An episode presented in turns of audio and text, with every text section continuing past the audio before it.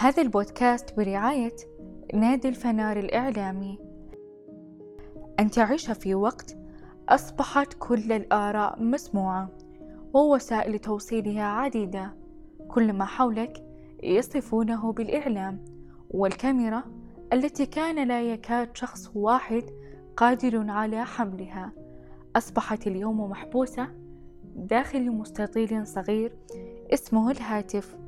مقرونة بمايك لا يرى يسجل كافة التمتمات البشرية التي تعلو سواء بالتفاهات أم المعلومات المفيدة.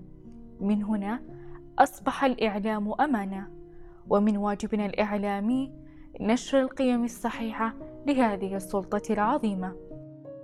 أهلا وسهلا أنا خلود القحطاني أقدم لكم بودكاست حديث الفنار.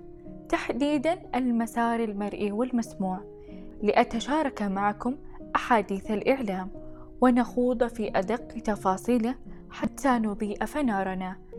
بأهم المعلومات وأبرز التجارب والقصص الملهمة. هذه الحلقة بعنوان عوالم الفن السعودي. نستهل بأول حلقة من حلقاتنا في هذا المسار والتي تتمحور حول أحد عوالم الفن السعودي. وهو عالم المسرح السعودي. وكيف كانت بداياته؟ وين وصل في وقتنا الحالي؟ تعرفون بدايات المسرح؟ إذا ما تعرفونها خلونا نتعرف عليها. طبعا البدايات كانت بداية مرتبكة وحقب متداخلة نفس كل البدايات المعتادة في كل المسارح. بس المسرح السعودي ما كانت بدايته على خشبة المسرح. في عام 1932 كانت البداية نصوص مكتوبة على يد الشاعر حسين عبد الله السراج اللي قدم أول نص مسرحي بعنوان الظالم نفسه واستمر على هذا الوضع لفترة. طبعا البدايات كانت عبارة عن مشاهد تمثيلية يقوم بها بعض الطلاب في بعض المدارس وكانت ممكن أنها تقام بعض الأعمال في المناسبات.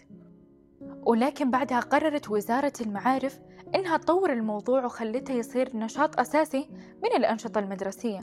وطبعا الطلاب اللي تخرجوا من المرحلة الثانوية وانتقلوا إلى المرحلة الجامعية ما انتقلت أجسادهم فقط بل انتقلت مواهبهم اللي كانوا يمارسونها في مسارح ساحاتهم. وعشان كذا اهتمت العديد من الجامعات بالمسرح السعودي وما نقدر أننا ننسى أو نتناسى دور الجامعات السعودية في عنايتها بفن المسرح. وكان لكل جامعة مسرح خاص بها لا خصائص الفنية اللي تميزها عن غيره وعلى سبيل المثال جامعة الملك سعود اهتمت بتقديم الواقعية والرمزية وباقي المدارس الفنية المسرحية. أما جامعة الإمام محمد بن سعود الإسلامية فاهتمت ببلورة وظهور ما يمكن أن يطلق عليه بالمسرح الإسلامي. وبعدها ساهمت بعض الخطوات الفنية والثقافية في تطوير الحركة المسرحية السعودية الحديثة. منها تأسيس جمعية الفنون الشعبية وإنشاء قسم الفنون المسرحية. وطبعا الجمعية العربية السعودية للثقافة والفنون تعد بمثابة الأب للمسرح السعودي الحديث. المراحل ما توقفت إلى هنا وبس. بالعكس جاءت مرحلة جديدة ممكن نسميها مرحلة الانطلاق خارجيا والغياب داخليا. في هذه المرحلة بدأ المسرح السعودي يشارك في المهرجانات المسرحية الخارجية. طبعا في هذه الحقب ما توقفت الأعمال على عمل ولا عملين بس ولكن قسمت إلى قسمين أعمال كتابية وأعمال على خشبة المسرح. من الأعمال الكتابية مسرحية الظالم نفسه وغرام ولادة والسعد وعد والعم سحنون. أما الأعمال اللي على خشبة المسرح كانت مسرحية مدرسية بعنوان كسرى والوفد العربي والشاهي والدارسين ومسرحية الأعمى وحوار بين العامية والفصحى. ولكن لو حابين نعرف متى كانت بدايات أول محاولات المسرح العربي في السعودية. طبعا كانت في عام 1960 على يد الشيخ أحمد السباعي حيث قام بتأسيس فرقة مسرحية في مكة وأنشأ معها مدرسة للتمثيل. سماها دار قريش للتمثيل الإسلامي وبدأت الاستعدادات للقيام بأول عرض مسرحي ولكن الظروف كانت عكسهم وللأسف اتقفلت. وبعد ما عرفتوا بداية المسرح في السعودية أكيد فكرتوا متى كانت أول مسرحية على خشبة المسرح. ومين كان مخرجها؟ في بداية السبعينيات عام 1973 عرضت أول مسرحية سعودية على الجمهور بمدينة الرياض. بعنوان طبيب المشعاب تأليف وإخراج إبراهيم الحمدان واقتبسها من مسرحية طبيب رغم أنفه. من بطولة أحمد الهذيل ومحمد الطويان وعلي إبراهيم وعبد الرحمن الخطيب ومحمد العلي. ولا زال شباب وطننا يبدعون في هذا الفن ويبهرونا في كل مرة نحضر لهم. ومثل أي مجال المسرح له أنواع كل نوع له طابع خاص ومواضيع واهتمامات مختلفة. خلونا نتعرف عليها. أول الأنواع المسرح المدرسي ويندرج تحت نشاطات وزارة التعليم لتعزيز مواهب الطلاب والطالبات وإضافة الترفيه لجو التعليم. وأقدم تاريخ للمسرح المدرسي كان عام 1935 عندما زار المؤسس الملك عبد العزيز آل سعود رحمه الله مدينة عنيزة وحضر مسرحية مدرسية بعنوان كسرى والوفد العربي. النوع الثاني هو المسرح الأكاديمي. من الجهات اللي دعمت التعليم للمسرح هي أرامكو تعاقدت مع جهات مختصة لتدريب الشباب السعودي. من ناحية الإخراج المسرحي والتمثيل والديكور والإضاءة وأيضا كتابة نصوص المسرحيات. والنوع الثالث هو المسرح التجريبي. يقدم هذا النوع القصص الأسطورية أو الخيالية ونشأ في السعودية عام 1989 ومثلت فيه الدولة مسرحية عويس التاسع عشر في مهرجان القاهرة للمسرح التجريبي. والنوع الرابع والأخير المسرح الاجتماعي من اسمه واضح من جمهوره. جمهوره يكون المجتمع بجميع فئاته وبدوره يناقش مشاكل المجتمع وقضاياه بقوالبه المختلفة. وكوننا نعيش في وقتنا الحالي وسط زخم كبير من الاهتمام بالمسارح والعروض المسرحية ولكن هل وجود المسرح في المملكة لم يأتي إلا من فترة قريبة؟ أو إن بالأصل كان موجود منذ سنوات عديدة؟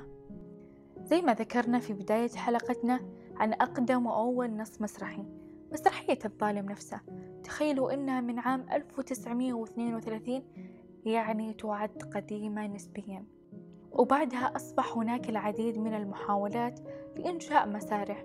وبعد تلك البدايات المتعثرة ساهمت وزارة المعارف في إيجاد المسرح السعودي وحيث استحدثت النشاط المسرحي التعليمي كفرع من فروع الإدارة العامة للأنشطة التعليمية اللاصفية في المدارس. واستخدمت له الخبراء والمتخصصين كما ساهمت وزارة الإعلام في نشر الفن المسرحي. من خلال مسرح الإذاعة في عام 1981 استمع جمهور إذاعة المملكة العربية السعودية من جدة إلى برنامج مسرح الإذاعة ثم ظهر مسرح التلفزيون بعد عامين من افتتاح محطة الإرسال التلفزيوني من الرياض. وأيضا الجامعات في السعودية كان لها دور كبير في الاهتمام بالمسارح حيث كانت كل جامعة تحاول توفر مسرح خاص فيها. وفي حديثنا عن دور الجامعات في تنشئة هذا الفن لا نغفل بالطبع عن دور جامعة الإمام محمد بن سعود الإسلامية. وكيف إنها آمنت بهذا الفن وحرصت على تنميته حيث أعلنت عن افتتاح قسم السينما والمسرح والذي يكمن تحت مظلة كلية الإعلام والاتصال. والذي يهتم بدوره بتثقيف متخصصي في هذا المجال وإخراج جيل واعد ورائد وقادر على أن يخوض غمار المسارح ليساهم في تطوير وارتقاء المسرح السعودي. ما جاكم تساؤل كيف فجأة أصبح اهتمامنا بالمسرح مثل اهتمامنا بالسينما؟ أو ليش نلقى كثير من محبينا حاليا؟ وأكيد مثل ما نعرف المسرح هو الفن الأساسي والمهم لإنطلاقة أي دولة نحو الفن. ورغم تأخر السعودية بتقديم المسرح إلا أن وصولها المتأخر جعلها تتفوق على الجميع. وتصل إليهم بالشكل المطلوب من خلال اهتمامنا المستمر للمسرح. ببساطة الجواب لسؤالنا هو أن هيئة المسرح والفنون الأدائية التي تأسست في فبراير 2020 هذا هو الحلم المنتظر بعد انتظار طويل. ومن حينها شكل سعادة للسعودية. وللعالم العربي أجمع. فذلك الفن الذي كان مدفونا وحمل بطريقة العثرات لمحبينه أصبح يرى النور أخيرا. وتشكلت الهيئة من أجل النهوض بالمسرح ودعمه وتشجيع التمويل والاستثمار فيه. واعتماد برامج تدريبية مهنية وتقديم شهادات متخصصة في هذا المجال. وبكذا أعزائي المستمعين نعرف أهمية المسرح كعنصر فني لأي دولة. تتوقعون هنا ينتهي دور الهيئة وبس؟ لا طبعا بل مسار الهيئة مدروس بدقة ومخطط لبناء فن المسرح وانتشاره حتى تعليميا من خلال التركيز على المسرح الأكاديمي وتقديمه كمنهج تعليمي وتوفير تخصصات مسرحية بالجامعات السعودية فالخطة الاستراتيجية التي وضعتها هيئة المسرح والفنون الأدائية لم تركز بالجانب التعليمي فقط وتغفل عن البقية بل تم تغطية جميع الجوانب وهذا الاهتمام من قبل الهيئة بمثابة اعتراف بالفن المسرحي وتضمنت الخطة عدة نقاط. من أهمها توفير المسارح بمختلف المناطق الجغرافية بالسعودية ودعم الفرق المسرحية والتركيز على الإنتاج المحلي والمسرحي وكوننا دولة تحتضن قمة من المبدعين بالمجال المسرحي وتحفيز الشباب نحو المسرح.